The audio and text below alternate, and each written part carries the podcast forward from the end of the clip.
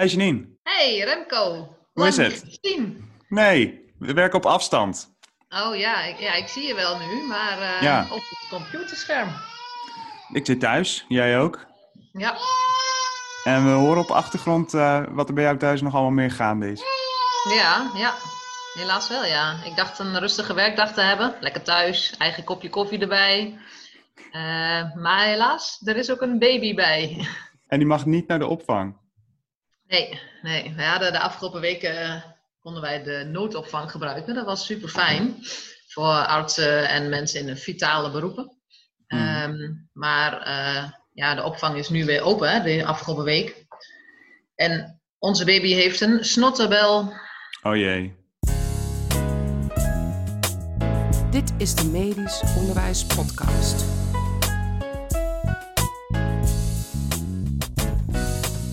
Heuse groene lange snotterbel. Zoals baby's heel vaak hebben natuurlijk.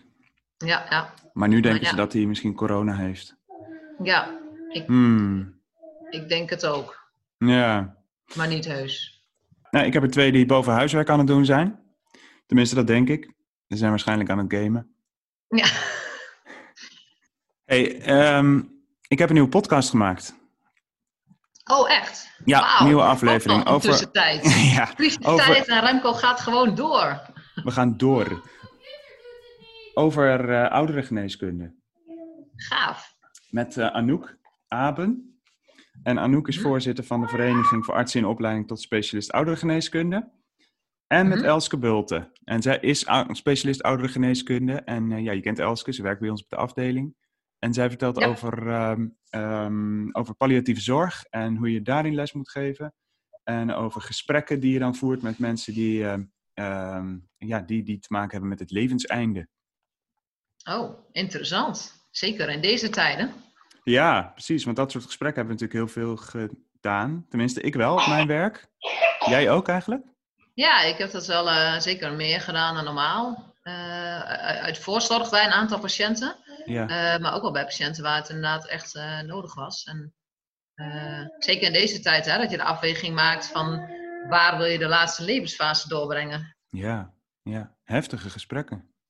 Klopt. Dat Ja. moet, voor, moet voor de dokter ook niet mak- makkelijk zijn, denk ik. Nee, dat, er zijn altijd wel gesprekken die een meerwaarde hebben voor het vak. Maar als het te veel worden, en dat was het wel de laatste tijd, dan, ehm, ja, dan hakt het er inderdaad wel in. Ja. Daar heeft Elske het op het eind ook nog over. Dat we eigenlijk ook wel goed voor onszelf moeten blijven zorgen. Omdat het voor de dokter ook heel heftig kan zijn, dit soort gesprekken. Sorry voor de baby. Ja, dat geeft niet. Ik heb net uitgelegd dat je daar nou eenmaal mee zit vandaag.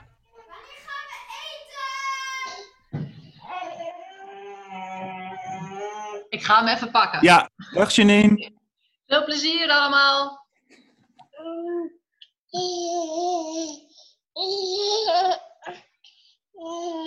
Het Medisch Onderwijs Podcast Interview. Ik ben Anouk Abe, ik ben AJOS ouderengeneeskunde, dus ik ben in opleiding tot specialist ouderengeneeskunde. En daarnaast ben ik voorzitter van VAZON, dat is de Vereniging voor Artsen in Opleiding tot Specialist Ouderengeneeskunde. En dat is een eh, landelijke vereniging. Anouk, in welk jaar van de opleiding zit jij? Ik zit nu in het laatste stukje van mijn tweede jaar. Oké, en hoe lang duurt de opleiding in totaal? In totaal, eh, als je fulltime werkt, drie jaar, maar als je parttime werkt, dan loopt het een klein beetje uit. Dus dan ben je een paar maanden langer bezig. En hoe lang ben je al voorzitter van de Vazon? Ehm, nu bijna een jaar. Ik ben in februari vorig jaar, ja eigenlijk dit jaar nog, 2019 februari ben ik daarmee begonnen. En eh, wat, wat was voor jou de reden om actief te worden bij Vazon? Ehm, ja, ik was daarvoor al actief eh, gewoon binnen het opleidingsinstituut zelf, binnen de jaarvertegenwoordiging. En ik merkte dat het heel leuk is om mee te kunnen denken over van alles wat speelt binnen het onderwijs. En dat je op die manier ook je collega AJOS beter kan vertegenwoordigen, dus echt een statement kan maken. En het leek me heel leuk om dat ook op landelijk niveau te kunnen doen. ehm, waarbij je ook vooral heel veel aandacht hebt voor activiteiten, binding en profilering van AJOS. En eh, ja, ik vind dat zelf heel belangrijk. Wat is eigenlijk de reden dat jij specialist ouderengeneeskunde wil worden? Ja, dat is een goede vraag. En ik had hem eigenlijk ook wel verwacht. Dus ehm, ik was vanochtend nog aan het denken van ja, hoe is dat eigenlijk allemaal gegaan? En ik merkte dat de eerste keer dat ik in aanraking kwam met het verpleeghuis, nou ja, eigenlijk mijn moeder werkte al in het verpleeghuis als verzorgende, dus ik had er wel wat achtergrondinformatie al over. Maar mijn oma werd opgenomen. En toen vond ik het ontzettend boeiend wat er allemaal gebeurde op die, op die afdeling. En nou, ik was dat nooit helemaal uit het oog verloren. Maar als je coachschappen gaat doen, dan ga je interne doen. En dan denk je, oh, dat is leuk. En vervolgens ga je chirurgie doen. En dan denk je, oh, dat is ook misschien wel leuk. En uiteindelijk ging ik mijn coachschap ouderengeneeskunde doen. En toen ja, voelde ik me echt op mijn plek. Niet alleen de casuïstiek en, en, de mensen vond ik heel fijn, maar ook de collega's en de sfeer in het verpleeghuis. Ja, toen was ik wel verkocht. Naast jouw keuze om in het verpleeghuis te gaan werken, heb je dus ook de keuze gemaakt om je te, uh, bezig te houden met het onderwijs, um, ook op landelijk niveau daarmee bezig te zijn. Hoe, hoe zie je die combinatie tussen, uh, nou, volgens mij best wel een drukke opleiding en die bestuursschool die je hebt? Ja, die, die combinatie is uh, enerzijds heel uitdagend en leuk. En anderzijds is het ook af en toe best wel druk. En uh, ja, moet je best wel puzzelen om het allemaal rond te krijgen. Zeker als je ook nog wel uh, ja, een druk privéleven daarbij hebt. met veel sociale contacten, wat ik ook heel belangrijk vind. En ehm, ik zie het ook als een stukje van mijn opleiding. Want ik leer natuurlijk heel veel over, nou ja, hoe ga je nou met mensen gesprek aan? Hoe kan ik een vergadering goed voorzitten? Um, maar ook hoe kan ik nou uitdragen wat wij als AIOS belangrijk vinden? Dus ik denk dat het naast um, iets heel moois om te doen, ook iets heel leerzaams om te doen is. Ja, word je, vind jij dat je een betere specialist wordt als je bestuurlijk actief bent geweest in je opleiding? Um, ik denk niet dat je per se bestuurlijk actief moet zijn geweest, maar ik denk dat het wel goed is om uh, je blik te verbreden. Dus dat je niet alleen je opleiding doet, maar dat je iets erbij doet wat, wat jou interesseert. En bij mij is dat en bestuurlijke taken en onderwijs vind ik ook heel interessant om te, om te doen. Uh, andere mensen vinden wetenschap leuk, maar ik denk wel dat het belangrijk is om iets te doen om jezelf nog iets verder te verbreden. Want dan ja, blijf je jezelf ook uitdagen.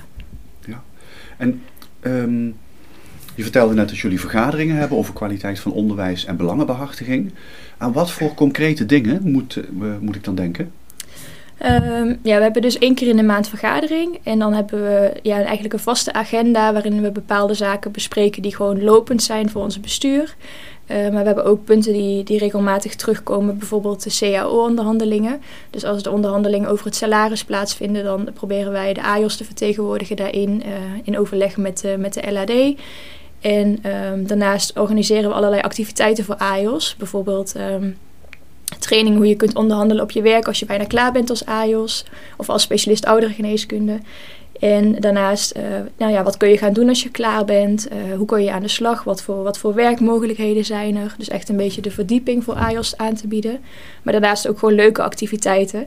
Bijvoorbeeld uh, in oktober meegedaan aan de Singeloop in Utrecht. met heel veel collega's. Ook met collega's van andere bedrijven, Medoc en Mydoc. En uh, nou ja, daar hebben we met een hele club mensen die heel enthousiast zijn voor de oudere geneeskunde geprobeerd om een leuke activiteit te organiseren, een statement te maken voor de oudere geneeskunde, maar ook een activiteit die gewoon heel fijn is voor de binding onderling. Ja, dus eigenlijk een combinatie, als ik het goed begrijp, van um, belangenbehartiging, het vak en de sector op een positieve manier um, ja, laten zien, uh, gezelligheid, ja. eigenlijk heel veel, heel ja. veel invalshoeken. En we hebben ook uh, bijvoorbeeld commissies die binnen Vazon actief zijn, zoals de Landelijke Onderwijscommissie. Er zit altijd dan één bestuurslid in, maar verder actieve AJOS. Dus um, AJOS die, die dus naast hun opleiding ook iets anders willen doen. En dan uh, gaan we bijvoorbeeld kijken van, goh, wat zijn nou de verschillen tussen de opleidingen? Wat vinden we nou goed? Uh, wat, wat kan misschien beter? En dan kunnen we met die mensen die afgevaardigd zijn per opleidingsinstituut ook weer die informatie teruggeven aan de instituten. Uh, ja, die dan daar mogelijk weer een verbeterslag kunnen maken. Wat is jouw indruk van de manier waarop de opleidingsinstituten en de opleidingen naar de Vazon kijken? Ja, ik heb wel het idee dat we heel serieus genomen worden. Uh, niet alleen door de opleidingsinstituten, maar ook door andere partijen. Omdat ze wel heel vaak zeggen van ja, jullie zijn de jonge generatie. En um, nou, als jullie vinden dat iets beter kan, dan uh, horen ze graag wat het dan is. En uh, ook eventueel een voorstel wat ze ermee kunnen doen. Um, dus in die zin, ja, er wordt ook wel vaak om, om input gevraagd. En dat vind ik heel fijn. Ja. Ja, kun je een voorbeeld geven van iets wat bijvoorbeeld in de opleiding uh, is veranderd of erbij is gekomen omdat de AJOS dat hebben aangejaagd? Um, ja, we hebben bijvoorbeeld, um, dat is dan vanuit de jaarvertegenwoordiging, maar ja, vanuit Vazon hebben wij de lijntjes altijd kort met de jaarvertegenwoordiging. Er werd hier in Nijmegen door AJOS aangegeven dat ze Ehm, niet echt het idee hadden dat ze ergens terecht konden als ze problemen hadden. Ehm, dus geen echte vertrouwenspersoon. En dat vind ik dat het hier in het opleidings, of op het opleidingsinstituut heel serieus is genomen. En dat ze daar hele goede stappen in hebben gezet om die vertrouwenspersoon die er is veel beter onder de aandacht te brengen bij de AIOS. En ehm, nou, dat wordt dan ook teruggekoppeld uh, tijdens een lunchoverleg waar alle AIOS bij zijn. zodat iedereen goed op de hoogte is en gewoon weet waar hij met zijn vragen terecht kan. Nou is uh, in opleiding zijn tot specialist ouderengeneeskunde of andere specialist, ja, dat, dat is best zwaar. Ehm, in hoeverre vinden jullie, jullie elkaar ook en steunen jullie ook op elkaar? Uh, ja, heel veel. Um, we hebben een heel fijn. Um, ja, de opleiding heeft het heel fijn ingericht, zodat we eigenlijk op elke terugkomdag een soort inbrengronde hebben. En dan beginnen we meestal de dag met anderhalf uur waarin je ervaringen kan delen en ook kan spuien als dingen niet zo fijn gaan. Of, of dat je toch moeite hebt met bijvoorbeeld een opleider of een lastige patiënt. En dat kan dan allemaal te sprake worden gebracht. Er zitten ook docenten bij die dan proberen om met, met ons, met de groep, uh, een oplossing te bedenken. Um, daarnaast hebben we heel vaak met de opleidingsgroepen een appgroepje. Um, daar wordt regelmatig ja, gewoon op gespuit van hoe gaat het en uh, hebben jullie hier ook last van. Uh, als er nou mensen luisteren die overwegen om ook iets bestuurlijks of iets anders erbij te gaan doen tijdens hun opleiding of tijdens hun studie geneeskunde, wat zijn dan aandachtspunten die jij ze zou meegeven met jouw ervaring? Ja, ik denk dat het belangrijk is vooral om te kijken wat je zelf leuk vindt om te doen. Um, want ik merk dat er heel vaak dingen op je pad kunnen komen en um, dat het soms makkelijk is om ja te zeggen. Maar als je ja zegt tegen dingen die je niet zo leuk vindt, uh, dan kost het heel veel energie. Dus ik denk dat het heel goed is om na te denken van waar ligt nou echt je interesse? Um, om dan ook als je ergens ja tegen zegt, daar ook van te kunnen genieten. En um, ja, dat, dat vond ik zelf wel lastig in het begin, want er komen best veel kansen. Ik merk dat uh, de oudere geneeskunde zijn heel veel enthousiaste uh, dokters. En vooral ja, mensen willen, willen toch de ontwikkeling ook aanwakkeren en we willen verder groeien met het vak. Dus er komen heel veel kansen. En het is denk ik de kunst om te kijken wat je, wat je leuk vindt om te doen en daar dan vol voor te gaan. Ik hoop dat ik een, kans krijg om het vak te combineren met, uh, ja, met of iets bestuurlijks of iets in het onderwijs. En uh, wat het precies gaat worden, ja, daar durf ik nu nog niet zoveel over te zeggen. Uh, Misschien wel een combinatie van beide. Uh, maar waarbij ik het wel heel belangrijk vind dat ik wel nog het werk als specialist ouderengeneeskunde kan gaan doen. Want dat vind ik gewoon ontzettend leuk en daar haal ik heel veel energie uit. Dus ja, een combinatie uh, zou voor mij ideaal zijn. Ja. Zijn er nog dingen, nu je toch de kans hebt, die je aan de luisteraars wilt meegeven? Um, ja, ik denk dat, dat de ouderengeneeskunde uh, een vak is wat nog niet zo heel bekend is bij mensen. Um, en dat ik, als ik mensen spreek erover, dat ze ook wel eens zeggen van... Goh, wat leuk eigenlijk, dat, dat kende ik helemaal niet. Um, en dat als mensen een dagje mee hebben gelopen, dat ze soms helemaal verkocht zijn. Uh, dus dat het heel leuk is als je het vak niet goed kent. Of, of toch zegt van, goh, wat houdt het nou eigenlijk in? Om gewoon eens een keer een dag met iemand mee te gaan lopen. En gewoon eens te kijken van goh, wat is dat eigenlijk? Um, want ook al zou je geen specialist ouderengeneeskunde willen worden, denk ik dat het voor iedereen heel goed is om te weten wat we doen. En ook waar heel veel patiënten aan het laatste stukje van hun leven, uh, nou ja, waar ze, waar ze zijn en, en wat er met hen aan de hand is en wat we voor ze kunnen betekenen. Ja. En gewoon heel praktisch, hoe kun je dat regelen als je denkt, ik zou wel eens zo'n dag uh, willen meelopen? Ja, je hebt uh, allerlei initiatieven, maar de belangrijkste die ik nu zo weet te noemen is ouderengeneeskunde.nu. Daar staan heel veel uh, specialisten ouderengeneeskunde en ook AIOS op die het heel leuk vinden als je een keer een dagje mee komt lopen. Maar ik ken ook genoeg collega's in het veld die, ja, als je ze aanspreekt, dat ze daar zeker voor open zouden staan. Dus uh, schroom niet en nou, vraag gerust. Dat was Anouk Aben en zij werd geïnterviewd door collega Ron Hameleers. En dan nu door met het tweede interview in deze aflevering. Dit is de Medisch Onderwijs Podcast. Bij mij zit Elske Bulten. Elske, kun jij jezelf voorstellen? Um, ja, ik ben uh, Elske Bulten. Ik ben opgeleid als specialist oudergeneeskunde. En um, nou, ik uh, heb eigenlijk al uh, in de opleiding heb ik naast patiëntenzorg me ook altijd bezig gehouden met onderwijs maken, geven en ontwikkelen. Um, en dat ben ik altijd blijven doen. Dus dat doe ik nu, nu ik zeven jaar specialist ben, doe ik dat nog steeds. Ja, en dat doe je hier in het Radboud UMC. Ja.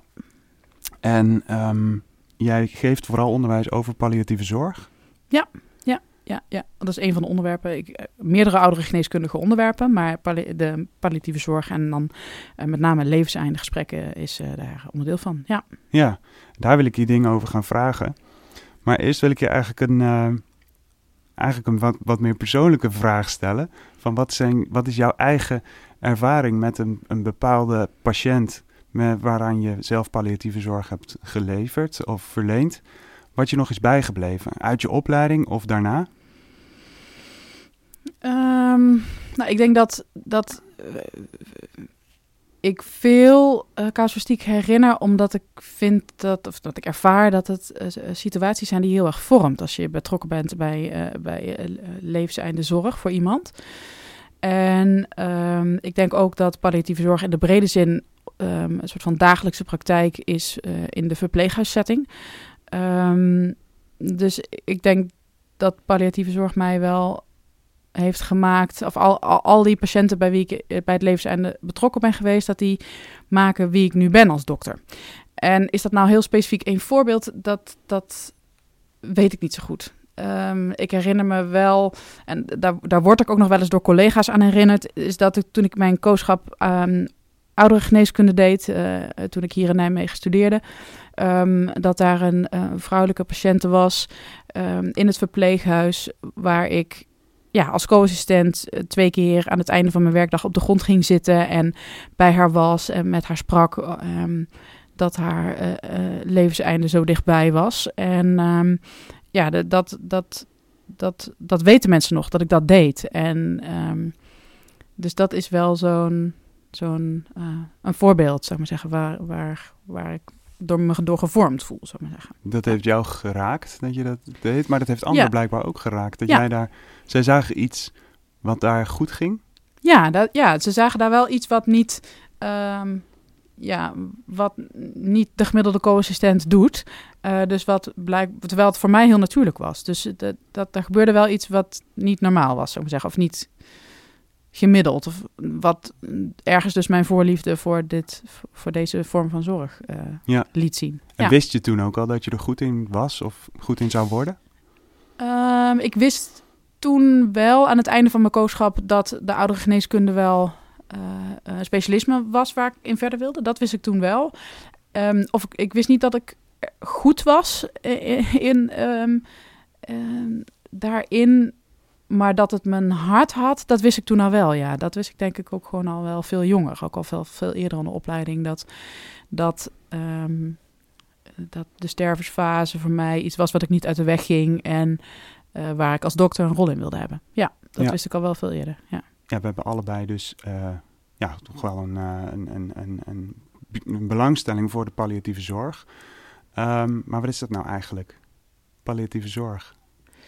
Ja, dat is een goeie, want dat, dat, je loopt het risico op, op spraakverwarring of dat je niet op hetzelfde spoor uh, praat daarover. Um, ik hoop dat ik het goed uitleg, maar volgens mij is palliatieve zorg het samengaan van ziektegerichte curatieve behandeling en symptoomgerichte verlichtende behandeling. Om eigenlijk te zorgen dat er een zo goed mogelijke kwaliteit van leven is. En ik denk erg in plaatjes en ik zie dan het beeld vormen van het schema van wat het IKNL ooit heeft gemaakt. Het Integraal Kankerinstituut. Centrum Nederland, ja. ja. En uh, die, uh, dat is een rechthoek die eigenlijk bestaat uit twee op elkaar liggende uh, driehoeken. Dus waarin de ziektegerichte genezende behandeling Um, in, in, in, aan de linkerkant van de, van de rechthoek nog heel groot is. Maar meteen eigenlijk wel samengaat met het verlichten van uh, symptomen. Dus um, um, de symptoomgerichte uh, behandeling. En dat als je in dat proces dus verder komt, dat dan dat, dat, dat genezende, die genezende uh, behandeling afneemt en die symptoomgerichte behandeling toeneemt. Dus dat je ja, steeds meer realiseert van ik kan, ik kan deze ziekte niet meer beter maken, uh, maar ik kan nog wel iets aan de symptomen doen en daarmee ook iets aan de kwaliteit van leven. Ja. ja, dus in dat proces ben je ook lange tijd bezig om allebei te doen eigenlijk. Ja, precies. Dat doe je naast elkaar. En ik denk dat COPD is daar een mooi voorbeeld van. Mm -hmm. uh, als je, uh, neem in gedachten een patiënt met een COPD Gold 3. Um, dat is de één na ernstigste vorm? Ja. Ja. Gold 1 tot en met 4, 4 en Gold 3 is... Ja, Ja, en, en, en, mensen met GOT 4 die zijn dan over het algemeen ook echt afhankelijk van zuurstof, eigenlijk de hele dag lang. Mhm. En de patiënt in GOT 3 zit daar net voor. Ehm, en als die een exacerbatie, wat, uh, dus een opleving van die COPD krijgt, bijvoorbeeld omdat hij een longontsteking uh, heeft, dan behandel je dat met antibiotica en met corticosteroïden.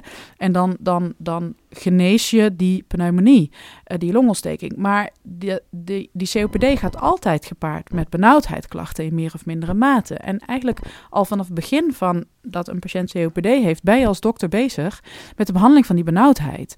Um, maar als iemand steeds vaker uh, exacerbaties en, en verergering van die ziekte krijgt, lukt het vaak niet meer om dat helemaal op te lossen, om die exacerbaties helemaal te genezen. Maar je blijft bezig en dus in toenemende mate bezig met het behandelen van die benauwdheid. Ja. Dus dat is een voorbeeld van hoe die twee uh, soorten behandelingen naast elkaar plaatsvinden. Of die twee aspecten van die behandeling naast elkaar plaatsvinden. Ja. En het is dus ook zeker niet. Um, palliatieve zorg is niet iets alleen maar van de stervensfase. Niet alleen maar van de, van de allerlaatste weken. Dat, dat is iets wat al veel eerder um, eigenlijk ja, een plaats zou moeten hebben, denk ik. Ja.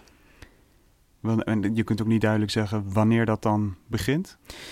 Nou, ik denk dat dat een voor de hand liggend voorbeeld is een patiënt die kanker krijgt en die die diagnose hoort en die dan hoort of daar nog wel of niet behandeling voor mogelijk is. Ja. En op het moment dat je weet deze patiënt zal sterven aan deze aandoening, alles wat ik daar ook aan doe of probeer te doen tijdelijk om dat beter te maken, maar dat zal gebeuren, dan is het goed om je te realiseren dat je dus met die twee aspecten van zorg naast elkaar bezig kunt zijn. Maar ook mensen die een chronische ziekte hebben, zoals COPD, of uh, um, een, een, andere ziekte um, waar je uiteindelijk aan doodgaat, als bijvoorbeeld dementie, um, dan, uh, dan kun je met palliatieve zorg, dan zou het goed zijn als je met palliatieve zorg bezig bent. En een hulpmiddel daarbij, wat we studenten ook over het algemeen leren, is de surprise question.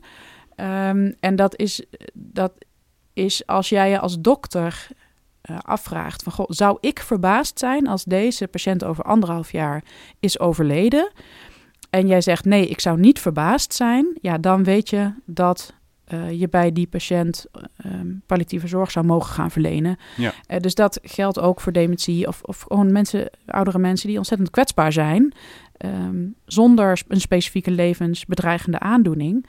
Um, ja, daarbij kun je die vraag stellen. Ja. En dan is dat helpend en, en kun je dat bewust gaan inzetten. Ja. Kun je bewust palliatieve zorg inzetten. En hoe meer ervaring je hebt met patiënten, met klinische beelden, kun je natuurlijk, krijg je een beter beeld van of, die, of je verbaasd zou zijn als die patiënt er na anderhalf jaar nog is. Ja. Um, dat lijkt me voor studenten wel moeilijker. Ja, dus ik denk ook dat dat iets is wat je als student um, leert door daar uh, met uh, je opleider over te praten. Ja. Um, uh, maar ook, en ik denk dat dat hoor ik nog wel eens terug van studenten uit de klinische fase, uit ziekenhuisstages. Um, het is soms ook een gevoel. Het is soms ook het gevoel van het, het niet-pluisgevoel. Hè? Dokters met een niet-pluisgevoel. Ja, we zijn getrainde professionals, dus dat klopt bijna altijd. En um, dus soms is het niet zozeer iets heel erg aanwijsbaars. Um, maar is het een inschatting die je maakt op feitelijkheden, maar ook uh, andere waarnemingen die, die ook een klinicus niet altijd goed kan beschrijven waarom die dat dan denkt. Ja. En, ja. en dus het is juist heel interessant als, als je in een opleidingsfase zit, of geneeskundestudent of co-assistent of, of uh, arts in opleiding is, om er juist samen met de opleider over te hebben. Ja. Over die, die surprise question. Ja. Zou jij verbaasd zijn als? Als, ja. En Ja. ook, maar ook um, als je bij heel erg zieke patiënten komt, om dat met je opleider te bespreken. Van hoe zie jij dit nu? Mhm. En um, goh, wat verwacht, je, wat, je, wat verwacht je van de levensverwachting bij deze persoon? En gebeurt dat genoeg? Dat dat soort gesprekken plaatsvinden in de opleiding? Um, ja, ik denk natuurlijk van niet. Um, maar goed, dat is mijn. Uh, uh, ik, ik denk dat het over het algemeen is dat we. Uh, dat weten we uit onderzoek ook wel. Dat dokters uh, in de behandelmodus staan. Ja. En eigenlijk zich richten op ehm, op genezende behandelingsstrategieën. En ehm, ja, niet altijd hun vizier hebben gericht op palliatieve aspecten en, en, en, en levenseindenzorg. Dus ik denk dat je je daar dat. dat ehm, ja, dat je elkaar daartoe moet uitnodigen. En dat denk ik dus ook interprofessioneel. Niet alleen maar studenten en opleiders, maar Mhm. ook gewoon collega's onderling. Ja, dat is wel iets wat, eh, Ja. wat we in toenemende mate mogen ontwikkelen, denk ik. Ja, en het is misschien ook wel lekker om in die eh, curatieve houding te zitten en je daarmee bezig te houden. Ehm, omdat het soms ook wel heel heftig is om te gaan praten over het levenseinde. Ja. Ja. Moeilijker misschien om daarover te communiceren. Speelt dat mee? Dat zou goed kunnen. Dat, ehm, dat zou goed kunnen dat dat meespeelt. Ehm, en ik denk ook dat het iets is wat je kunt leren. Je kunt leren om mm, eh, over levenseinde te praten met je patiënten, ehm, maar ook eh, onderling, en, studenten onderling, maar ook dokters onderling, maar ook, we zijn natuurlijk ook allemaal mensen en mensen onderling Ehm, ja, dat kunnen daar ook met elkaar over praten. En dat is heel moeilijk en dat is niet altijd voor de hand liggend. Ehm, maar dat, dat kun je wel leren. En ik denk wel dat het een, dat het een verdieping van je menselijkheid geeft. Als, als je dat niet alleen beseft van ik ben sterfelijk, maar hè, dat, mag ook een, dat is ook onderdeel van het leven. En daar, daar kan ik ook over praten. Of daar kunnen we met elkaar over praten. Ehm, dus dat. ja, ja daar, daar nodig ik studenten wel eens toe uit om dat met elkaar te doen. Ja. En als we het dan toch over, over onderwijs eh, geven hebben, dan is Mhm. het dat dat in een onderwijssetting organiseren, dat vraagt wel veel. Hè? Ja. Als je dat, dat eh, ja, iedere, iedere student, iedere co-assistent die komt met zijn eigen levenservaring die studie binnen. En ik merk dus ook iedere maand, ik geef iedere, iedere maand onderwijs over dit onderwerp. En ehm, iedere maand zit er een andere groep. En ehm, ja, binnen die groep eh, ja, spelen op dit onderwerp eh, voor, voor verschillende mensen verschillende ervaringen. Ja. En eh, gaan ze dus ook anders met dat onderwerp om. En dat heb ik geleerd om voorafgaande aan dat onderwijs daar ook altijd iets over te zeggen. Ook altijd te zeggen van, god, dit, dit, onderwerp, dit, dit onderwerp en dit onderwijs, dus, dus met elkaar spreken over lijden en over sterven, eh, dat raakt je. Dat raakt je niet alleen als professional, maar dat raakt je ook als persoon. En ehm, ik zeg altijd tegen studenten dat ik, dat, dat ik geloof dat het heel belangrijk is om eh, geraakt te worden en dat niet achter de muur van professionele distantie te verbergen. Omdat ehm, dat, dat, is, dat is niet menselijk om te denken dat je daar eh, afstand van moet houden en dat je dat niet mag voelen. Ehm, dus ik, ik nodig hen altijd uit om dat in ieder geval bij zichzelf te erkennen dat hun dat overkomt op zo'n moment. En eh, of op dat moment of op een ander moment eh, daar even bij stil te staan. Ja. En dan mogen ze met van mij iets over zeggen, of dan mogen ze met elkaar over praten. Maar dat hoeft niet, want ik denk ook niet dat dat het belangrijkste is. Ik denk dat, ehm, dat, het, ehm, dat je als dokter vooral eh, je eigen weg daarin mag eh, zoeken en vinden. En dus dat je moet erkennen dat je ehm, emotie ervaart.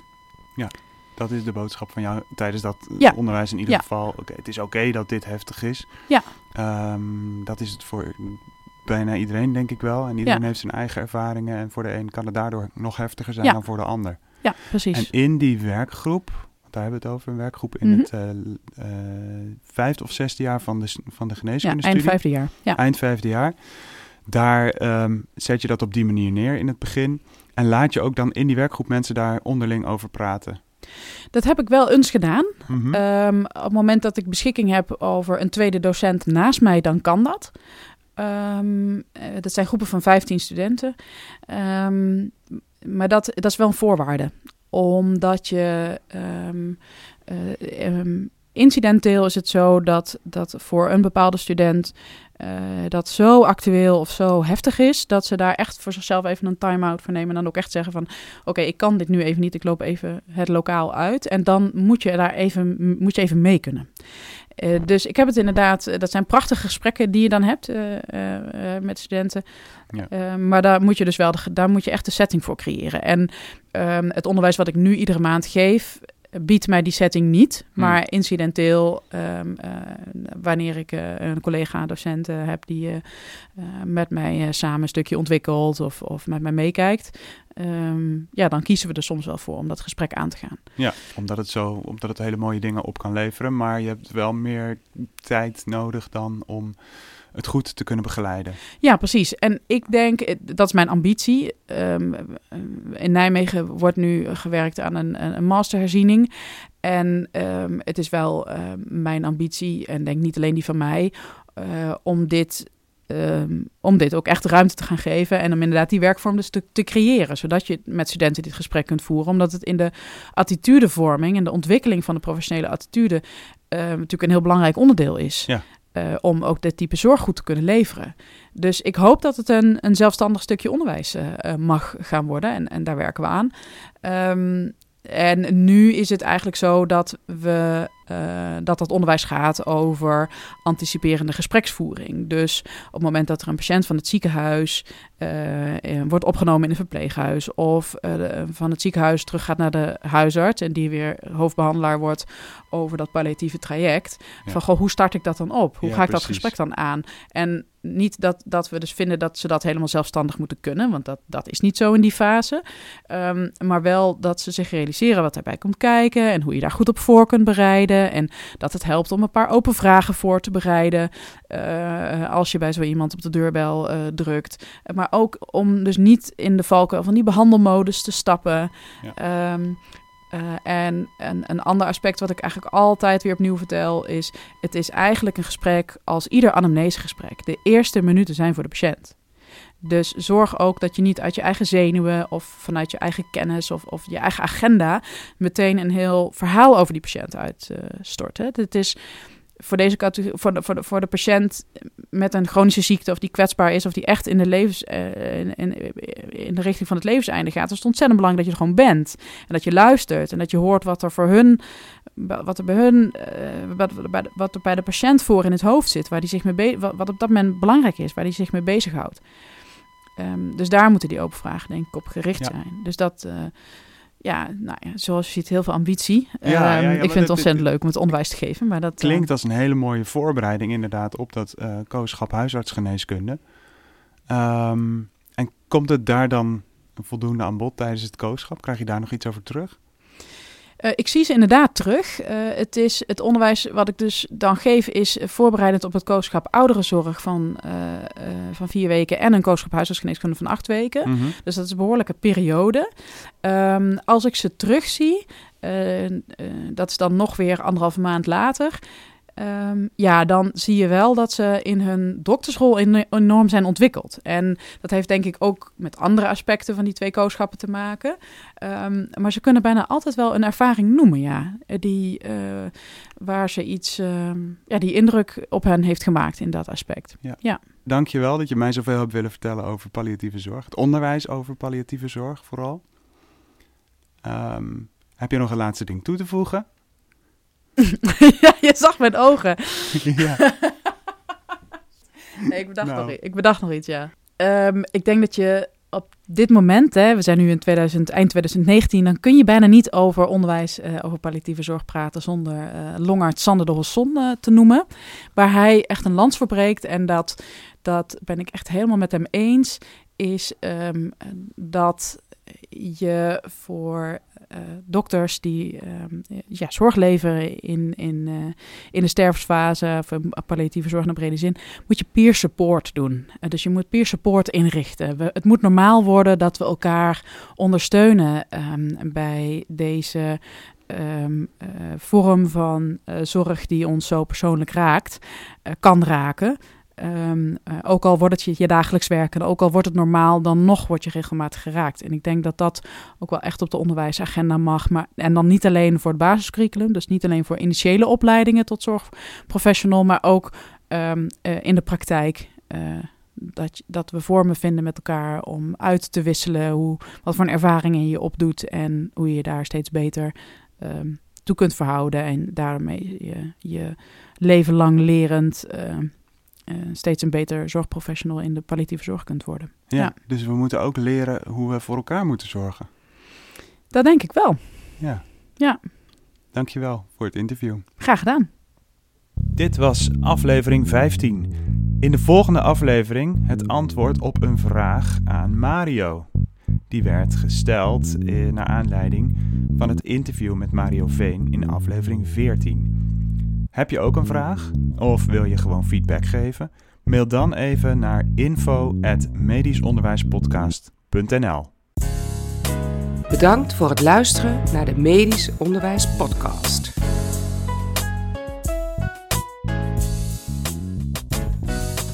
Tot een volgende keer.